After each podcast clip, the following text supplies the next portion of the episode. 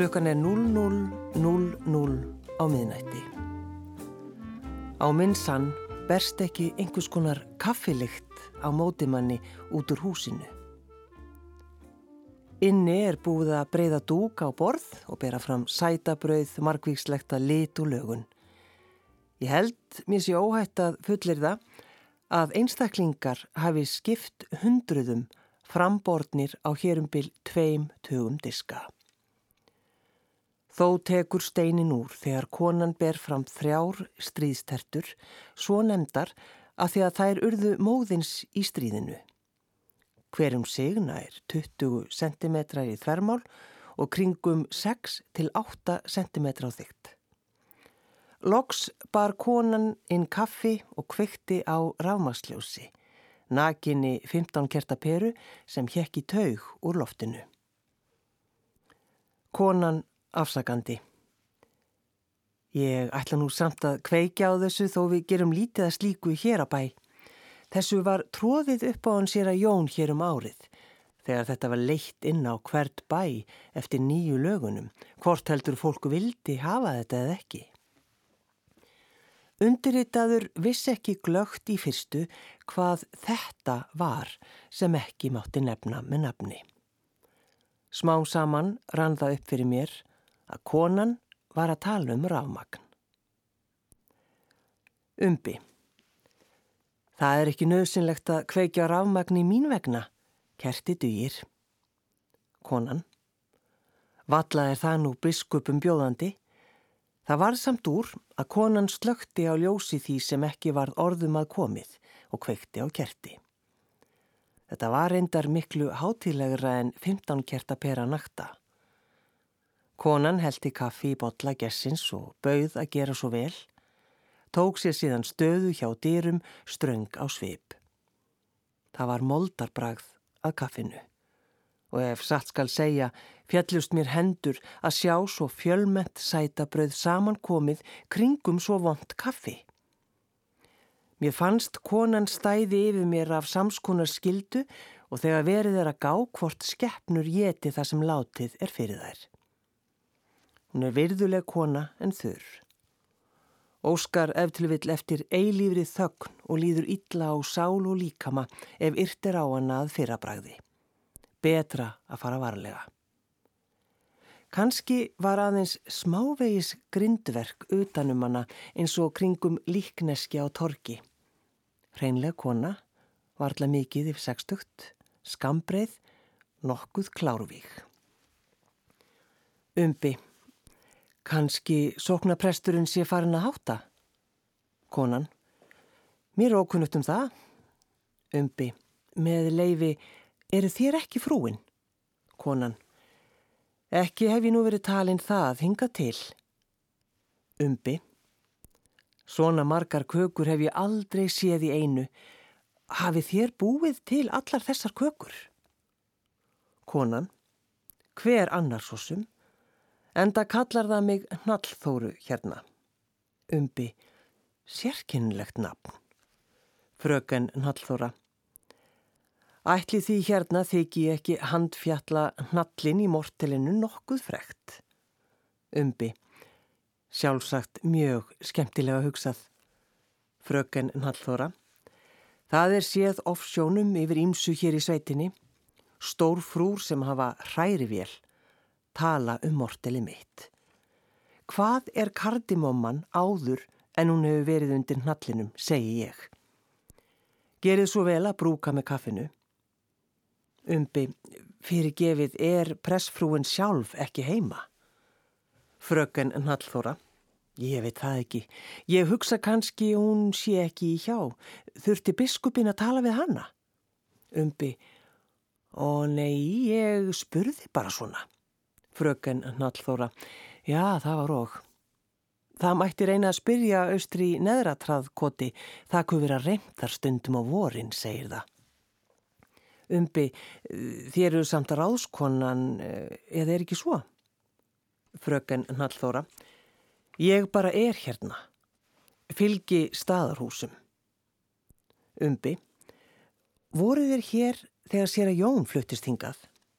Fröken Nallþóra. Já, ég er hérna ofan úr fjallinu.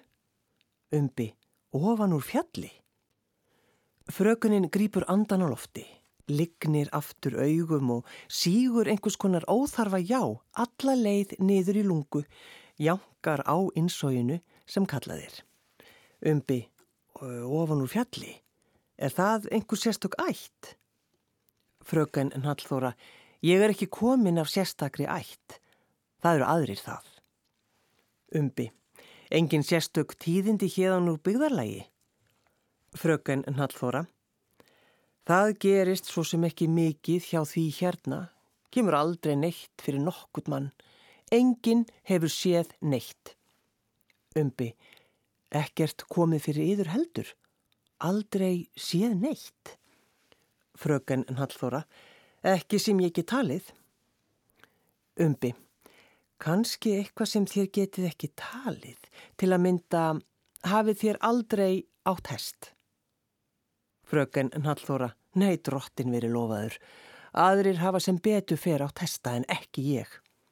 Umbi, hver á kálfin? Fröken Hallþóra, kálfin? Þetta sem er að drepast. Ég veit ekki til hvers það er að gefa mér þetta. Hér er ekkert að gefa kálfinum að kaffi einstöku sinnum og gamalt bakkelsi sem ég meil saman við. Aftur á móti er ég ekki að fara í launkofa með það við neitt að einu sinni kom dölítið fyrir mig. Ég sá dölítið. En aldrei nema í þetta eina skipti. Umbi, þetta ætlar að fara betur en áhorðist. Fröken Hallþóra, náttúrulega segiði það ekki nokkru manni. Umbi, já það var nú aftur lakara. Fröken Hallþóra, ég ætla að fara fram og bæta í konuna. Umbi, takk það er alveg óþarfi, ég er ekki vanur að drekka meir en einn og halvan botla, en mér sínist þessi kanna takja minnstakosti halvan annan lítra.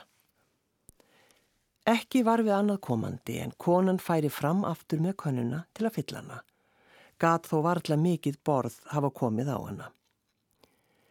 Meðan frökunin var úti, gat umbóðsmaður biskups varðla haft augun af stríðstertunum þrem út beldum af kröðuríi og voru samtals 60 cm í þvermál. Ég svitnaði dálitið á enninu. Ég vonum þess að einhver fróðleikur myndi tógast út úr frökuninni með þólinnmæði þáði ég þriðja botlan mót venju. Það reif. Kaffið-þamp gestsins fóru að verka leysandi á þessa bundnu konu. Viðbröð hennar urðu mennskari og hún gegst undir þá mjúk lætingu sálarinnar með uppgjöf fyrir Guð og mönnum sem er í því falin að segja sögu.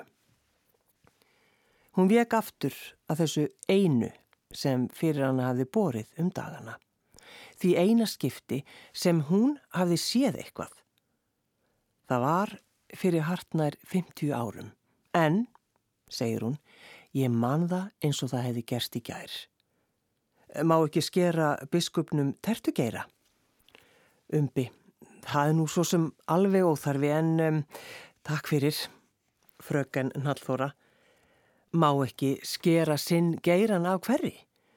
Það stóð aldrei til að þetta færi í tjöru búða hundana.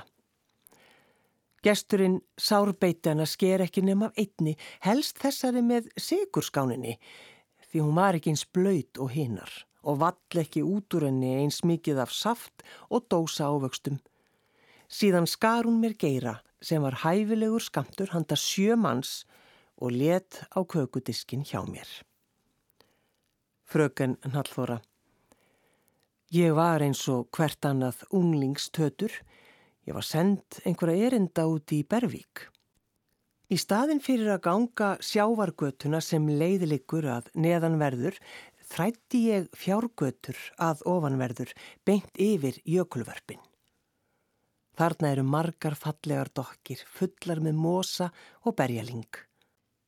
Og sem ég nú geng þarna upp á eitt varpið, Veit ég ekki fyrir en ég sé mórauðan hrút, vaninn hyrndan, standa þarna einan sér og engin önnur skeppna neinstaða nær og horfir á mig neðan úr dökkinni.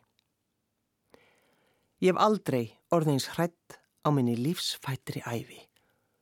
Mállaus manneskjan, varnarlaus kvennmanns kind, því ég vissi að hvorki þessi nýja neitt annar vanin hirindur hrútur, morauður var til hér undir jökli. Það sló á hann gildum bjarma. Aldrei um mína daga hef ég séð annað eins reyfi á nokkuru lifandi skefnu. Mér fannst ég ætla að verða steini. Ég gat lengi ekki haft augun af þessari dáfallegu skefnu sem ég vissi að ekki var til kvorki í innsveitum, nýja útsveitum, nýja á öllu Íslandi. Hann stendur kyrr að sínu leiti og horfir á mig. Mér er sem ég standi þar enn þann dag í dag og hann horfir á mig. Hvað átti ég að gera? Seinast hafði ég þó vita á að hlaupa í kvarf.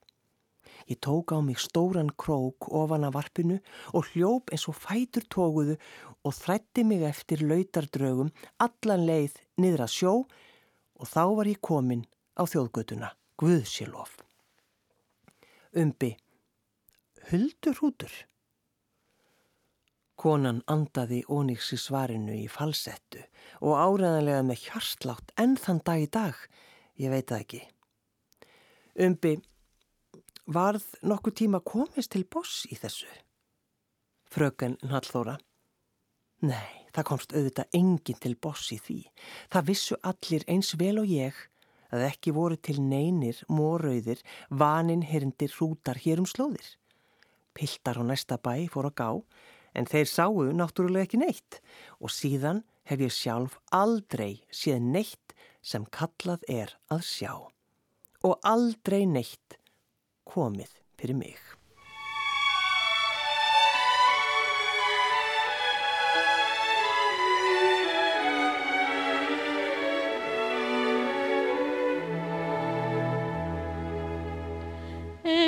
Og túnskísljóð sem blærim ber. Úr bleikri fyrð á vangum sér. Líður mér svefnin hægt og ljóð þinn hvita myndum svartan og kannski var það draumur sem ég gæt ekki eitt er vist að síðan er í hjarta mínu raun mér bak við hljóð og horfin ár við hvítan seg og dökkar brár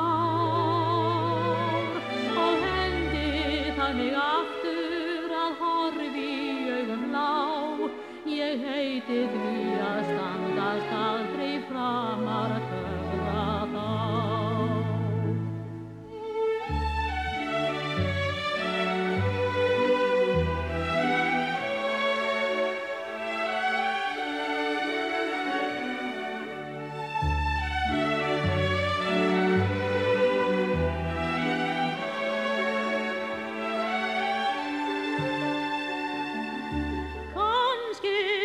draumur sem ég gæt ekki gleym en eitt er víst að síðan er í hjarta mínu raun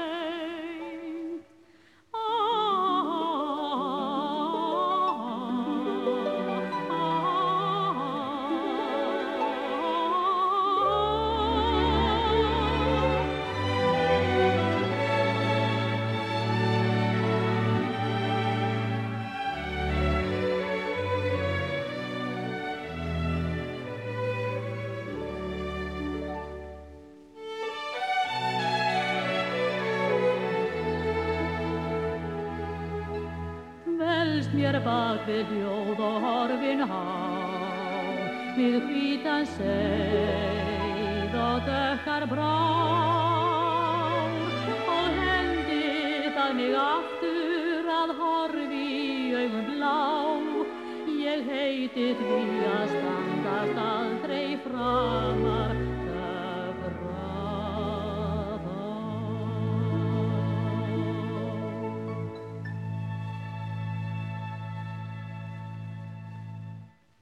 Í gestabóði situr hjá mér Solveig Pálsdóttir í töfundur. Velkomin í þáttinn. Takk. Ef þú lokar augunum og ferða aðeins tilbaka, mm. opnar hörðina á bestastöðum, afiðinn Ásker Áskisson og Dóra Þóraldsdóttir, ammaðinn, taka mótið þér. Hvað er hvað er það fyrsta sem þú hugsar? Já, hlýja, líf og fjör. Því að þá daga var sko bestastæða heimilið svo fjölmend og líflegt. Þarna var búskapur, þarna bjó fjöldi fólks, þannig að það var alltaf líf og fjör mm. og eh, ég á engöngu góðar minningar frá bestastöðum. Papp og mamma uh, voru nýflutt frá Damörg og Svíþjóð, því var svona 5-6 ára gömul og við fluttum inn á bestastæðin. En ég er sko yngst af 13 barnabörnum, Áskis Áskissonar og Dóri Þóraldsdóttur og var bara nýjára gömul þegar afi hætti sem fósiti og amma dó þegar ég var rétt að verða sex ára. En ég á samt minningar um hana og mjög margar minningar frá bestastöðum og þegar þú hefði samband við mig og baðst mig um að koma þá einhvern veginn opnaðist fyrir einhverja rás og einmitt þetta þú luktur upp dýrónum að bestastöðum þessum minningum fyrir mig. Og, og ég er bara þakklátt fyrir það því að ég á svo skemmtilegar og góða minningar frá þessum stað. Og uh, sko þarna byggu uh, það var sko, það var kúabúskapur, það voru hænst og Afi átti, hann átti kindur og Kristjón sem var bílstjóri, hann átti líka kindur, svo var hann heilmikið æðavarp og Afi hafði mikið náhuga á æð, æðavarpinu, þetta var það sem við kallaði skansinn og Afi leitt gera hólma út í Bessastæðatjörn og ég á minninga frá því að sitja í bátnu með Afa, hann reri út í hólman að huga varpinu og maður lærði mislegt, maður lærði hvernig maður ætti að haga sér í bát og Afi var mjög natin, natin við okkur barnabörninu, við vorum alltaf velkomin og sem og náttúrulega Amma líka meðan hún lifði, alltaf velkomin og eh, nýttum okkur það óspart eh, fransískin mín þau tóku strætókjarnar frá Reykjavík því þetta var svo látt. Já, já, það var bara svolítið. Já, voru sett út við Hafnafjörðavegin og svo sótt þangað. Og, en sjálf, sjálf var ég mikið á bestastöðum og fekk svo að fljóta með afa e, þegar hann fór á fórstarskristóðuna á mótnana og ég var skilin eftir við melaskóla. Já, æskuðlum stelpun í skólan. Já, ymmit, en ég reyndi nú að hafa það svona einhverstaðar svolítið, baðan alltaf Kristjónum að stoppa þetta aldrei frá, svo þetta vekti ekki aðtikli það fannst mér óþægilegt. Já, gerður það? Já, ég vildi ekki vekja aðtegla þessu, Nei. alls ekki. En Kristjón, hann bjó, svo ég aðeins lýsi húsaskipan þetta, það var e og er, ég held að eða ráðsmennir búið það núna, einbilshús neðan við búið. E, það sem nú er, e, þetta einbilshús stóð þarna og þarna bjó Kristjón og Guðburg með sín börn og ég leik mér mikið við þeirra krakka, sérstaklega dæturnar og svo þar sem að núna er heimili fórstjáhjónuna þar var búið. Og þar var sko búið á þremur hæðum. Það var bústjórin, Yngvi og uh, konan hans uh, Valgerður, minni mig. Þau eru setna, setna bændur í Svarðaðadal og börnið þeirra ég man eftir einu strák sem heit Guðmundur, eða heitir. Og svo bjó Garðirkjumæður Guðmundur á efrihæðinni með sinni fjölskyldu. Og svo í kjallaranum þar voru uh, ungir menn sem voru vinnumenn á búinu. Og það var mikið fjör, það var verið að fara sko á böll út á Altanes og, og rosa fjör sko. Svo var heiskapur og svo var náttúrulega stúlkur í bestasta húsinu sjálfu. Þar var sko, það var allt það er núna. Það sem núna er eh, á efrihæðinu svona, já, salur það sem að gafir sem mhm. að fórstuðanbættinu hafa borist eru gemdar og er líka lítið svona framleiðslega eldhús Þar, eh, þar voru af amma og þar var svo kallað dýraloft uh, opið niður í, í, í hérna andir í bestastæða og við hengum þar krakkarnir oft þegar voru komið einhverju fíni gestir. Þá sást bara svona hausannir á okkur. Já, og, og svefni herbyggja af og ömmu. Og uh, svo voru stúrkurnar í, hinum endanum á efri hæðinni stúlna herbyggi, þar manni best eftir Haldur Páls sem var mikill vinu fjölskyldunar og uh, hún vildi allt fyrir okkur gera. Hún var setna ráðskona á bestastöðum, var meira minna held í allan tíma sem að bæði Kristján voru og Kristján og Haldóra voru og, og Ólafur. Og uh, þær voru svo góða við mig. Ég á fullt að dúkufötu sem þær prjónuði handa mér og ég var að skottast þarna í eldhúsinu og mjög mikið bakvið. En er þetta sko, er þetta svona, getur maður upplefað þetta sem uh, bara hálfgett sveitaheimili, bestastæði í, í tíð uh, áskers og, og dóru? Já, já, já, já, já, þetta var í raunin þannig, þetta var og þetta svolítið hérna skemmtileg til þess að hugsa að ég held að eh, sko laun fósetta voru ekki, ekki svo rífleg mm. og þarna var náttúrulega gríðarlega gestkvæmt og eh, verið að taka á móti ellendum þjóðhauðingum og í forrétt í þessum fínu veistlum sem voru alveg stórglæsilegar þá var mjög gætnan lags sem Afi hafði veitt sjálfur.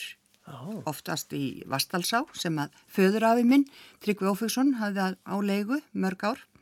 Og einhver svona lagsarönd og svona eitthvað. Segðu það bara lags í hlaupi. Lags í hlaupi, já. Með sósu, þótti gasalega fínt og sem sko. margir elska að hata. Já, já, já, já, og svo var lambakjött og það var náttúrulega bara lambakjött frá bestastöðum ám Ava eða Kristjóns. Og uh, kartöflutna voru ræktaðar á bestastöðum svo var, mér minnir að það hefði verið svona gróðurhús uh, um tíma líka og matjústagarður og, og, og, og salat, allt ræktað þarna. En er, var, var salatið ræktað á Bessastöðum? Já, það var, það var til skans tíma. Hvaða, hvaða, ár, hvaða ár er þetta? Afi var fósetti frá 1952 já. til 1968, en ég er fætt 1959 já, já. og þetta eru 16 ár, 16 ár og þarna var, svo voru hestar, frændur mínu voru með hesta þarna, en þetta var mikið fjör og þetta var mjög heimilislegt af því að það var svo fjölmönd mm. og einhver tíman gerðist það að, að það var einhver þjóð, þjóðhæðingi heimsókn. Ég mann bara ekki hver og nú er fólk fallið frá. Það er nefnilega stundum er maður ofsetna að spyrja spurninga. Það. Er svo slæmt að sko Gunnar Tórótsen sem var giftur uh, völu, móðusistu minni uh, hann var mér alltaf svo óskaplega góður. Við vorum, góður, við vorum miklu vinnir og við höfum þann sitt þegar við hittumst að ég hljópa alltaf til hans og segja Gunnar Punnar kýlibomba og hann segði alltaf sóa póa kýlibomba og kýlda móti. Bara, nema hvað, ég var eitthvað svona sex ára eða eitthvað og, og, og slapp inn þar sem að var verið að taka á móti þjóðhauðingja í stórasalnum allt óskaplega virðulegt, allir þarna með orðuðnar og ég veit ekki hvað og hvað og beint raug bara hljóp þverti við salin og beint á Gunnar og kýlt hann í makan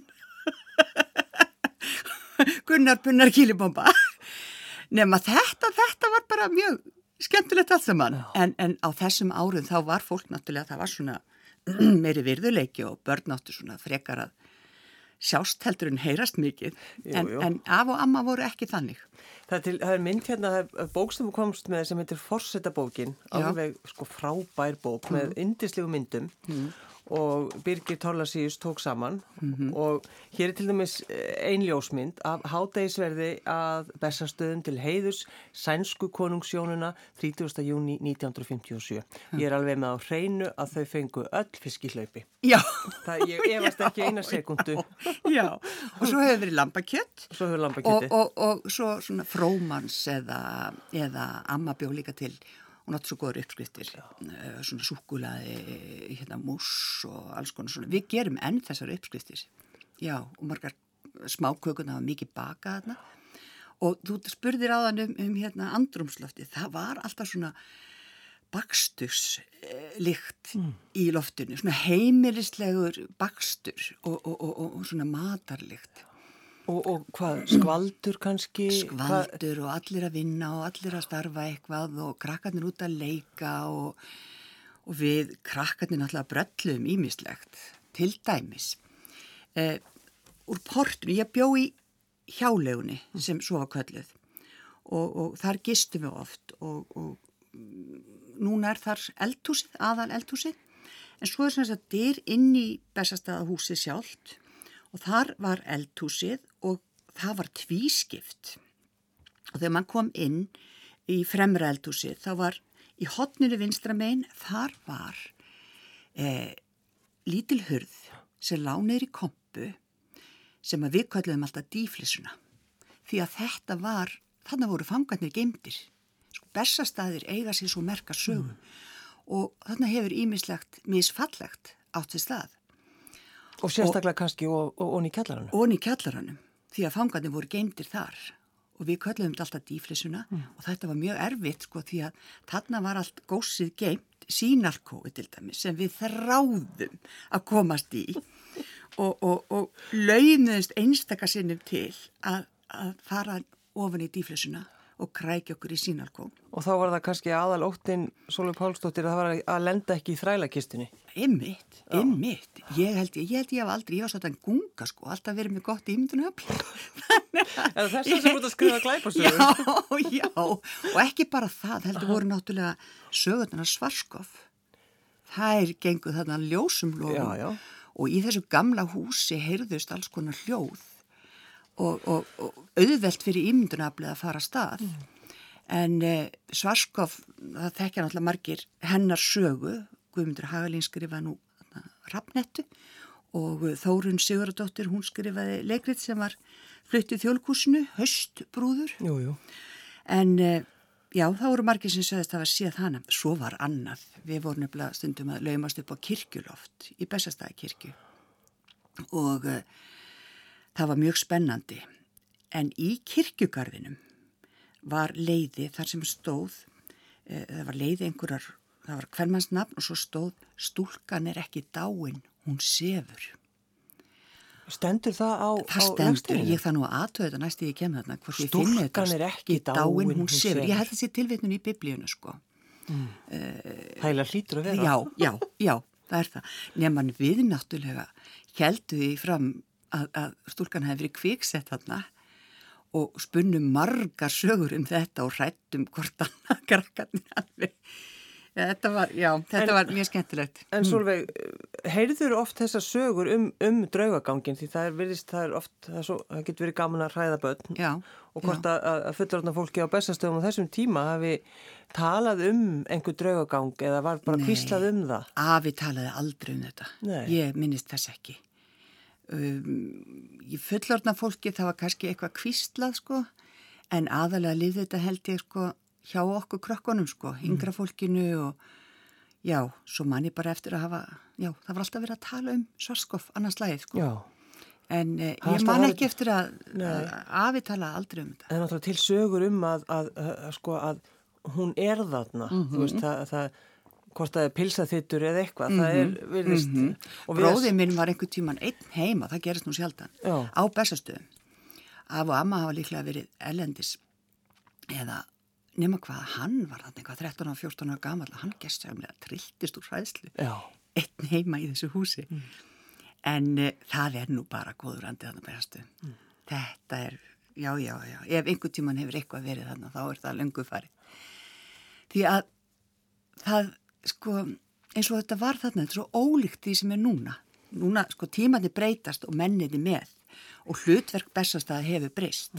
Þetta var, eins og ég sagði upphafið, svona uh, búskapur og stórt heimili og uh, eins og jólinn, þau voru ævintýraleg. Því að þá borðuðum við öll saman, fjölskyldan, uh, mamma og hennar þrjú sískinni og, og, og tengda sískinni og af og amma, amma meðan hún lifði og við 13 barnabönnin, vá, öll saman. Og, og það var lagt á borð sko manni inn í blómaskála, það náði alveg inn í blómaskála og alveg inn í salin og svo var þetta stóra, stóra jólatré og við urðum fyrst að sitja og hlusta á messuna alveg grafkir gra og sumt, frændfólk mitt gerir þetta ennþá. Já. ég ákvaða að pína bönni mín ekki með þessu fyrir ég marg hvað þetta voru óbærilega. Hvað þetta var óbærilega langar mínútur. En svo byrjuðu jólin og, og eftir að við höfum borðað þá kom allt allir sem unna á bestastöðum með sína fjölskyldur.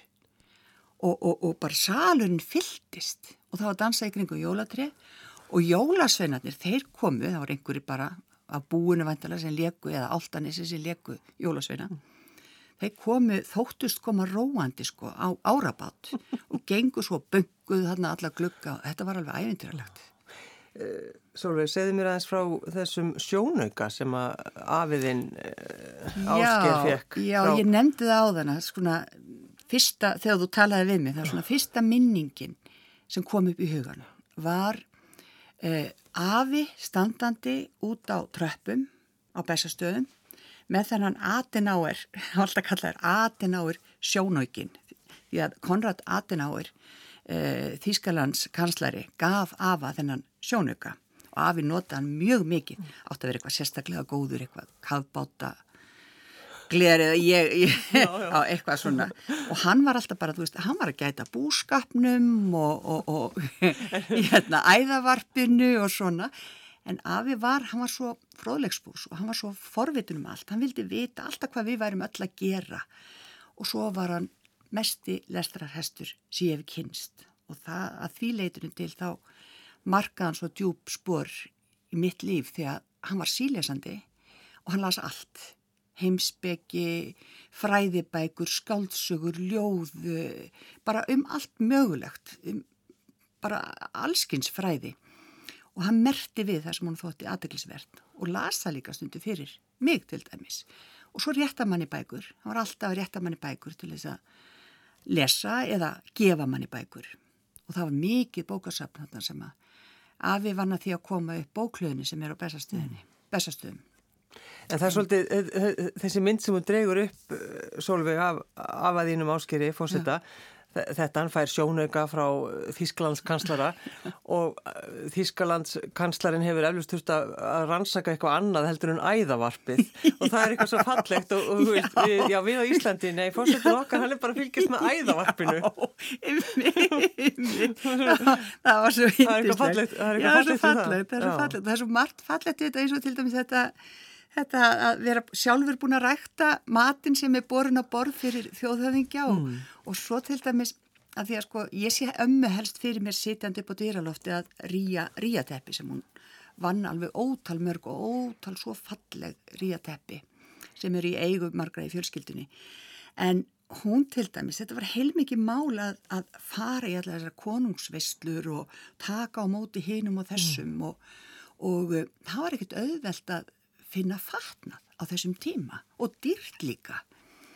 Þannig að á fyrsta áriðanar þá voru henni gefin skautbúningur sem er enni eigu fjölskyldunar, fjölskyldunar, alveg gríðarlega fallegur búningur sem ég hef nú þess að sinnum sem fjallkona í Reykjavík og setna á Seltjarnanesi og það var svo mikið léttir því að þá hafði hún í þessum fínu vestlum þá klættist hún skautbúningnum stórglæsileg og, og, og þjóðuleg og losnaði við að hafa áhyggjur af því að vera að kaupa einhverja síðkjóla. Já, já þetta var eiginlega bara mikil skinnsemi að eiga þennan skautbúning. Gríðarlega praktist. Man sér líka gömlu myndum frá, frá þeirra tíð, þá er hún mjög oft í... Í, í skautbúningum, já. já. Mamma notaði hann setna sko því að pappi var í utryggstjónustunni árum saman, mest alla sína starfsæfi og mamma notaði hann oft við svona, svona tækifæri eins og konungsvislur. Já.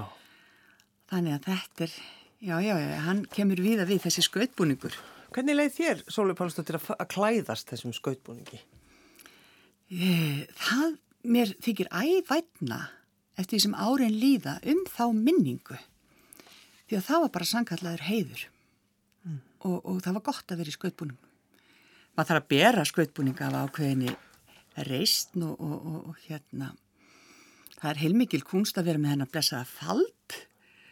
Og passa að reka hann ekki upp undir og svona og, og maður hefur að því nokkra áhyggjur að hann falli, nefnir fara að halla svona eins og skakkityrtin í bísa en eh, já, það var gaman að, að við þykir óskaplega væntum þá minningu. En, eh, en ammaðín Dóra, hún náttúrulega já, er eiginkona fósetta Íslands mm -hmm. er ekki á launum. Nei og hennar vinna kannski já, heilmikil, já, heilmikil og já, eitthvað sem er ekkit sérstaklega talað neitt um. Nei, nei. Og þetta mm, ég, ég hugsa æg meira um þetta að allt þetta starf sem hún inda hendi, það var bara eins og sjálfsagt. Og, eh, og eh, sama segi með móðu mína sko og eins og völu móðusistu mín og fleiri konur sem að voru í þessari stöðu að, að vinna fyrir land og þjóð alla sína æfi og svo fyrir utan að alveg börn og, og, og vera alltaf næstu því óaðfinnanlegar Já. á allan hátt. Það hlýtur nú að, já. Já, er, en alltaf svona einhvern veginn í skugganum sko. Já, Ein minning sem að kemur upp núna í hugan og það var svo skemmtilegt, það var hérna á Bessastæði, talandi um þetta, aðfeng voru, það var heilmikið mál, öll aðfeng. Það kom kjörbúðarbíl, kjörbúðar bíl. það vonuðu hváir, kjörbúðarbíl, það var bíl sem var svona, ef þú, þú sér fyrir bókabíli sem að borgarbókasafnið hefur lengi verið með, að, að hérna, hann er fullur af bókum, en kjörbúðarbílinn, hann var fullur af svo kallari nýlenduvöru. Og, og þetta var bara svona verslun sem fór á milli, fór um Altanesið og víðar og kom alltaf við á Bessastöð. Og það var mikið sport að fara í kjörbúðabílinn. Manstu, já, þetta Ég man svo vel eftir þessu. Og manstu, hvað var, hvað var að kaupa í kjörbúðabílinum? Það var alls konar dósamatur og, og hérna álegg og hitt og þetta og við fengum stundu pening til að kaupa karmelur. Já, var semst smá salgæti líka. Já, og maður bara leit upp til hérna, það var búðakona í búning, mér fannst það ofsalega flott, allt þetta á bestastöðum bliknaði algjörlega í liðin á henni sko. Alveg, þó ég hef séð einhverja, einhverja drottningu hérna í síðustu viku, þá var það búðakonan, sko. einmitt, einmitt. En hérna, já, þetta eru rosalega góðar minningar og uh, fjöldi fólk sem var þarna. Þetta, þetta var skemmtilegar minningar. Já, Já, þú nefndir stúlkurnar. Já, og þær, sagt, þeirra starf mm. var, var hvað? þær voru svo kallega vinnustúlkur, bara að, fæja silfur og, já, Já. það var alltaf kallað stúlkur sko, vera með stúlku. Fæja silfur og þurka af og, og náttúrulega öllu verk sem þurfti að vinna, það var ekki eins velvætt og er í dag. Og þetta voru mjög oft uh, ungar hérna, ungar stúlkur og uh, sumir frændi mínir eru mjög skotnir í þeim. Já, já, sumum og, og eitt er að krækt í eina. Eina stúlku. eina stúlku sem var þarna sumum gert. meira, það var vel gert af Altanesi Sigurður Tóraðsson náði sér í Siggu Kals það var mikill happa fengur fyrir fjölskylduna. Já, og hérna þau, af þeim er komin heilmikill ættbói svo þetta var, var líf og fjör.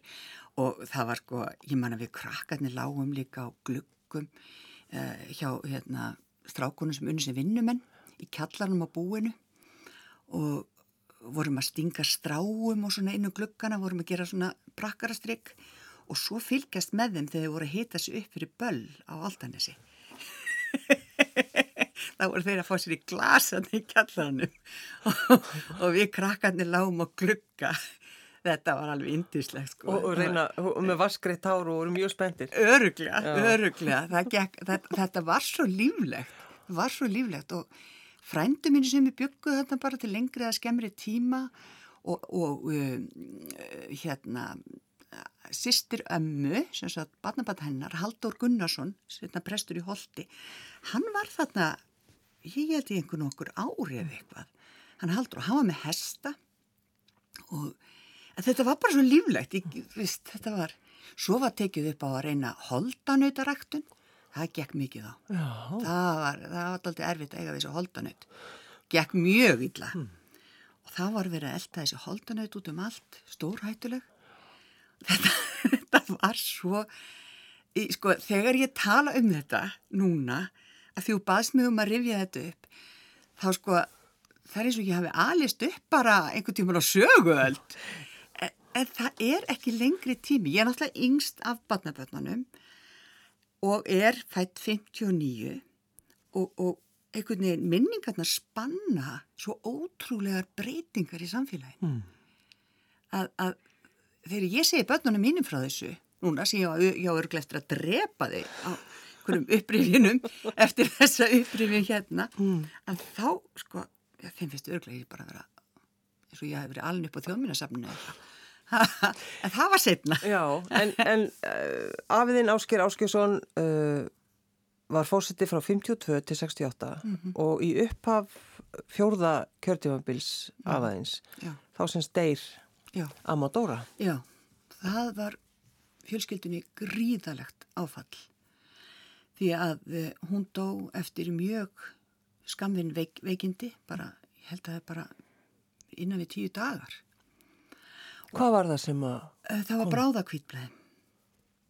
Já, hún, Hvað var hún gömul? uppaflega, hún var 71 árs mm. og hafði fram að því verið alveg bráðress en uh, það þurfti að gera þarna einhver, að, einhver aðgerða fjallega endajagsl sem hefði pyrrað hana og, og þá greindist hún með bráðakvítblæði sem að dróða hana til döða á nokkrum dögum og þetta var mikið áfall og á, afi hefði aldrei farið inn í þetta fjórða kjörtjóðanbill einn. En þetta gerist sem sagt rétt rúmi mánuði eftir hann sór ennbættiseiðin í fjórða skiptið og uh, við fráfall ömmu þá uh, tók mamma Björg Áskistóttir og uh, sýstrina Vala Dórótsen og mákona Lili Áskistóttir við keplu ömmu og ekki síst mamma held ég og uh, ferðust með afa og, og uh, sáum vistlur, höfðu svona yfir umsjón og, og, og fylgdónum við hinn ímsu tækifæri. Og uh, þarna er mamma sko fimmbarna móðir með eigimann í utrækistjónustinni og ég bara 5-6 ára. Já, og við nýflutt sko heim. En þú spurður á hann um fyrstu minningunni ég bara vildi ekki nefna hana. Fyrsta minningin er þar sem ég uh, stend ásand frængu minni og nefnu Solvöðu Þórastóttur og við stóðum og horfðum á uh, uh, fylgdust með dyrunum á Bessastæðakirkju þar sem að fór fram uh, minningaratöfn um ömmu. Og aðeins nánustu ættingjar voru viðstættir þessa minningaratöfn og ég gleymi aldrei þegar kistan var borin út. Bræður mínir og frendur báru kistuna. Og við vorum ekki með og það var bara, það var bara þannig að það var ekkert í síðs að láta börn vera viðstöld svona aðtapnir. Ég man alltaf tilfinninguna og ég man alltaf eftir sorginni sem kvíldi yfir öllu.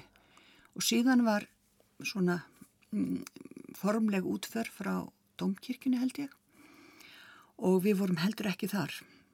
Og uh, ég man eftir sorginni og drunganum sem kvíldu yfir bestastöðum og, og fjölskyldunni allri. þannig að hlátrasköllin þau svona þögn, þögnuðu í einhver tíma. Já, já, það var þannig. En, en allir afiðinn áskýr hafi, eh, sko, allir hann hafi hugsað, veist, ég ætla bara, ég ætla að hætta.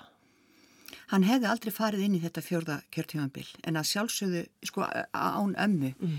en, en hérna að sjálfsögðu þá sat hann áfram og, og lauk þessu fjögra ára kjörtímanbili og gerði það með sóma, miklu sóma, en þau voru ákaflega samrýnd tjón og báru gríðarlega virðingu fyrir hvort öðru. Og það var mikið jafnræði með þeim. Og uh, það hefur verið sko held ég okkur öllum barnabötnum þeirra uh, mikil fyrirmynd í samskiptum og, og hérna hjónabandi. Það ríkti alltaf mikil ástamilli þeirra og uh, það var svo fallet sko að afi flutti eftir hann hætti 1968 þá flutti hann í hús sem þau höfðu byggt og ætlaði að æfa, nei, eigða sko efri árónum í Arakutu 14 sem er núna í eigu Háskóla Íslands. Og uh, ég var mikið þar, mjög mikið var þar oft í pössun því að uh, sýsti minn og máur bygguðar í kjallaranum og fleira frænt fólk það voru margir sem byrjuði búskap í kjallaranum og, og, og fóröldri mín er stöðut á ferðalögum. En ég var mikið í pössun þarna og satt löngum stundum hjá Ava og las og las. Og uh, inn í svefniherbyggja Ava þar, var, þar voru snirti vörðunarna ömmu alltaf. Varalitirnir og, og, og, og já, hann, hann hérna passaði vel upp á þetta, já. Þannig að hann hefur, ekki látið snirtið, snirtið nei. Nei. Og, og, og silfur busti Já, já, og greiða og og- speill og, og skarkripaskrín og, skatthólið hennar. Og uh, ég held að skatthólið sé núna í laufási við Eyjafjörð. Amma var þaðan. Hún var sem sagt uh, uh, dóttir Þóras Bjarnasonar biskups í laufási sem byggði laufás sem laufásvegur heitir eftir en hann var sagt var svona Björns Haldurssonar Salmarskvalds í Laufósi við Eyjafjörð. Mm. og uh, hún var alveg semst upp í Laufósi var snemma móðurlaus og Afi Áskeir þau Afi, þau kynntust þannig Afi var guðfræðingur að ment þess vegna hann var svo gríðarlegan áhuga á Bessastæðakirkju og uh, sá til þess að til dæmis glukkatin sem príða Bessastæðakirkju þeir eru gjöf frá honum og gjöf frá Rík, Ríkistjórn Íslands í tilefni stóramælis afar og hann baði um þessa glukka en hann var nefnilega ráðinn biskupsrítari til langafa Þórals Bjarnasonar. Og þannig kynntist hann yngstu dóttur Þórals mm. og þau eruðu par. Og þau voru svona alin, þau voru, þau voru í ungminnafélagi og höfðu eh, miklar hugssjónir, mjög miklar hugssjónir ótrúlega nútímalegar hugmyndir um jafnrétti og svona um það að bara ebla æskuliðinn og, og, og styrkja menningu og tungumál og, og það að fólk e, aflæði sín mentunar og auka viðsýni. Það má Martaðum læra og Amma Dóra hún var, e, hún var viturkona. Hún var mjög rittfær og uh, hún, hún var svo skynsum. Það er svo margt sem að, að, ég sé núna sem var svo skynsamlegt mm. og þau voru það bæði. Afi var, uh, hann gæti setið bara endalust og lesið, það var nú bara þannig og það var svo notalegt eins og á Aragötunni. Uh, ég sem sko 13 ára úlingur var komið svona ólgu í blóðið að Mér leið alltaf, ég var alltaf róleg þegar ég satt með Ava. Hann satt í hægindastól sem að ég á núna og las og með rauðapennan sinn og alveg vegginnir þaktir bókum. Allur kjallaninn fullur af bókum. Það voru bara bókahillunum svo bókasafni og, og þannig hafði maður bara sitt enga bókasafni. Fannst þér Afiðinn breytast þegar hann misti konuna sína? Já, hann gerði það það, það, þetta var erfitt. Hann, hann, ég held hann hafi verið hálf einmanna á bestastöðum þessi síðustu ár. En e, fjölskyldan gerði sitt til þess að, að, að hérna, styðja við hann eins og ég sæði áðan með hérna, dætur og tengdadóttur og, og fjölskylduna alla og barnabörni komu svo mikið. Það, hann var svo gladur að hafa sem flesta í kringum sig og e, en auðvitað breytti þetta honum og hann saknaði ömmu alltaf mjög mikið, mjög mikið. Dægin sem hann dó, hann dó bara 78 ára gammal, þá, uh, hann var sko, hann var svo mikill sundmaður, hann fór í sund á hverjum einasta degi, hverjum einasta degi, alla sína æfi. Hann fór í gömlu laugarnar uh, inn í laugadal og það nú þekkt saga af því að hérna, einhver tíma var hann mættu mjög snemma og þá kom einhver og það var engin mættur í afgriðsluna þá kom einhver strákur og sagði heyrðu fórsti, hérna, komdu þetta með mér. Það er engin komið, við getum svindla okkur inn. En, en, en þennan dag, daginn sem að dó þá hafði hann synd 200 metra, hann var svona vendari þessa sunds það var svona gefin einhver trimkall ef þú hefðu synd 200 metrana 100 sinnum. Og Afi hafði unnið trimkallin þennan dag og, og, eh, og svo kom hann heim og um eftirmyndaginn þá kom eh, eina bestu vinkonum ömmu og þau sátt og spjallu og rifju upp gamla tíma. Síðan eldaði sýsti mín sem bjó í, í Dóra, bjó í kellaranum, kvöldmatt og, og hann borðaði með henni og hennar fjölskyldu og svo settist hann við sjónvarpið og þar sopnaði hann sínum hinsta svefni. Og þegar sýsti mín kom upp að aðtúa með hann um 10-11 uh, leitið þá hérna var hann látin í stólum. Afskaplega friðsall, afskaplega friðsall.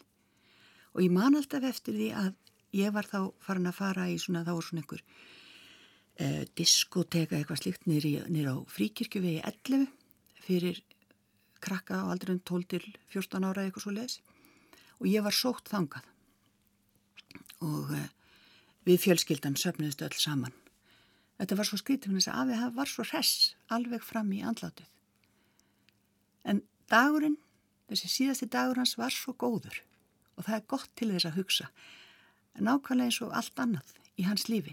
En afið það er alltaf sérstaklega að hann fættist uh, með svo kalla, hann fættist á Kóralnesi á Mýrum og hann fættist með það sem kallað er sigurkubl um, hann semst fættist með líknarbelgin heilan akkurat og ljósmóðurinn, og nú mann ég ekki hennar nafn, en, en, en ég hitti barnabarn hennar um daginn sem fór að nefna þetta við mig. Og, og, og hérna, hún sagði, þegar hún held á drengnum í höndunum, sagði þessi drengur verður mikil gæðumæður. Því að það var trúfólks að sá sem fættist með sigur kuplum hálsin yrði gæðumæður. Og það var svo sannarlega rétt.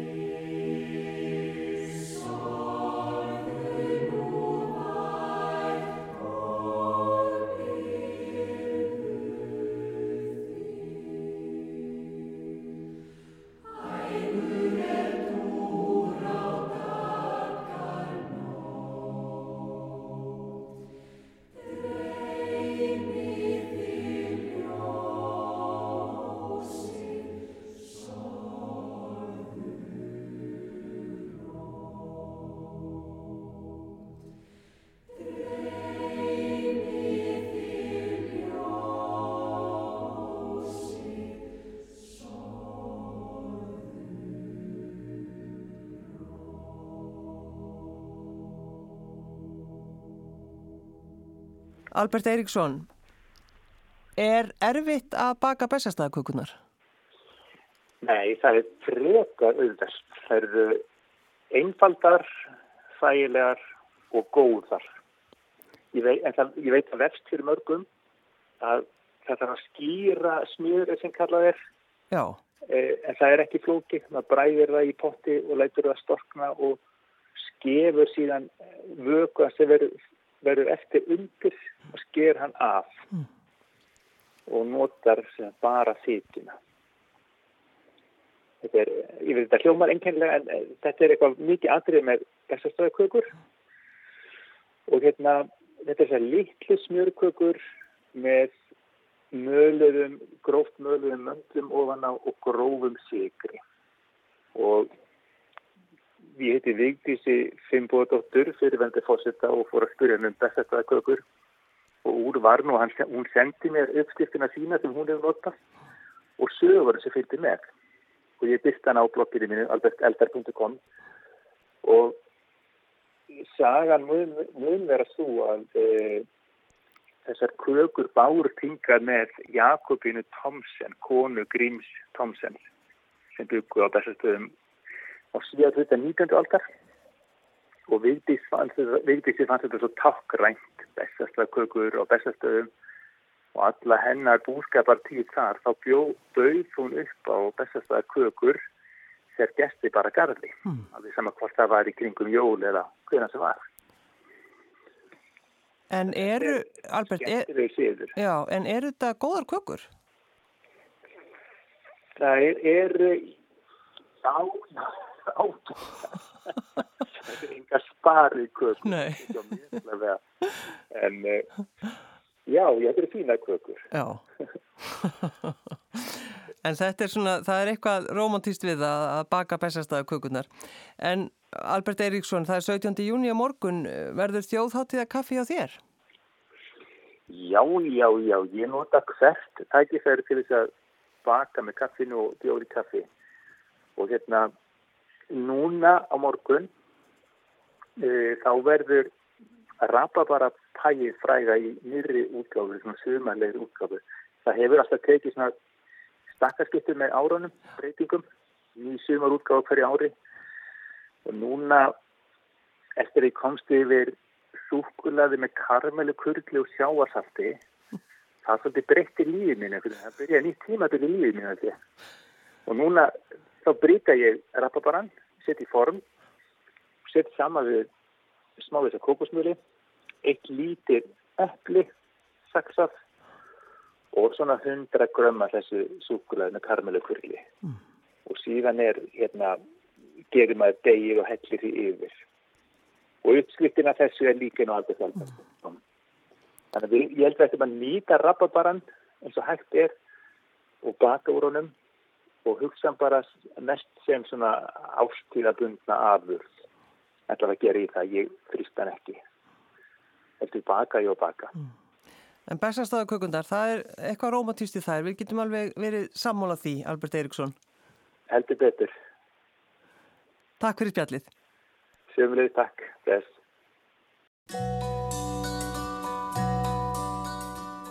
Þá er að ganga frá eftir gestina. Takk fyrir að hlusta og verð ykkur á góðu.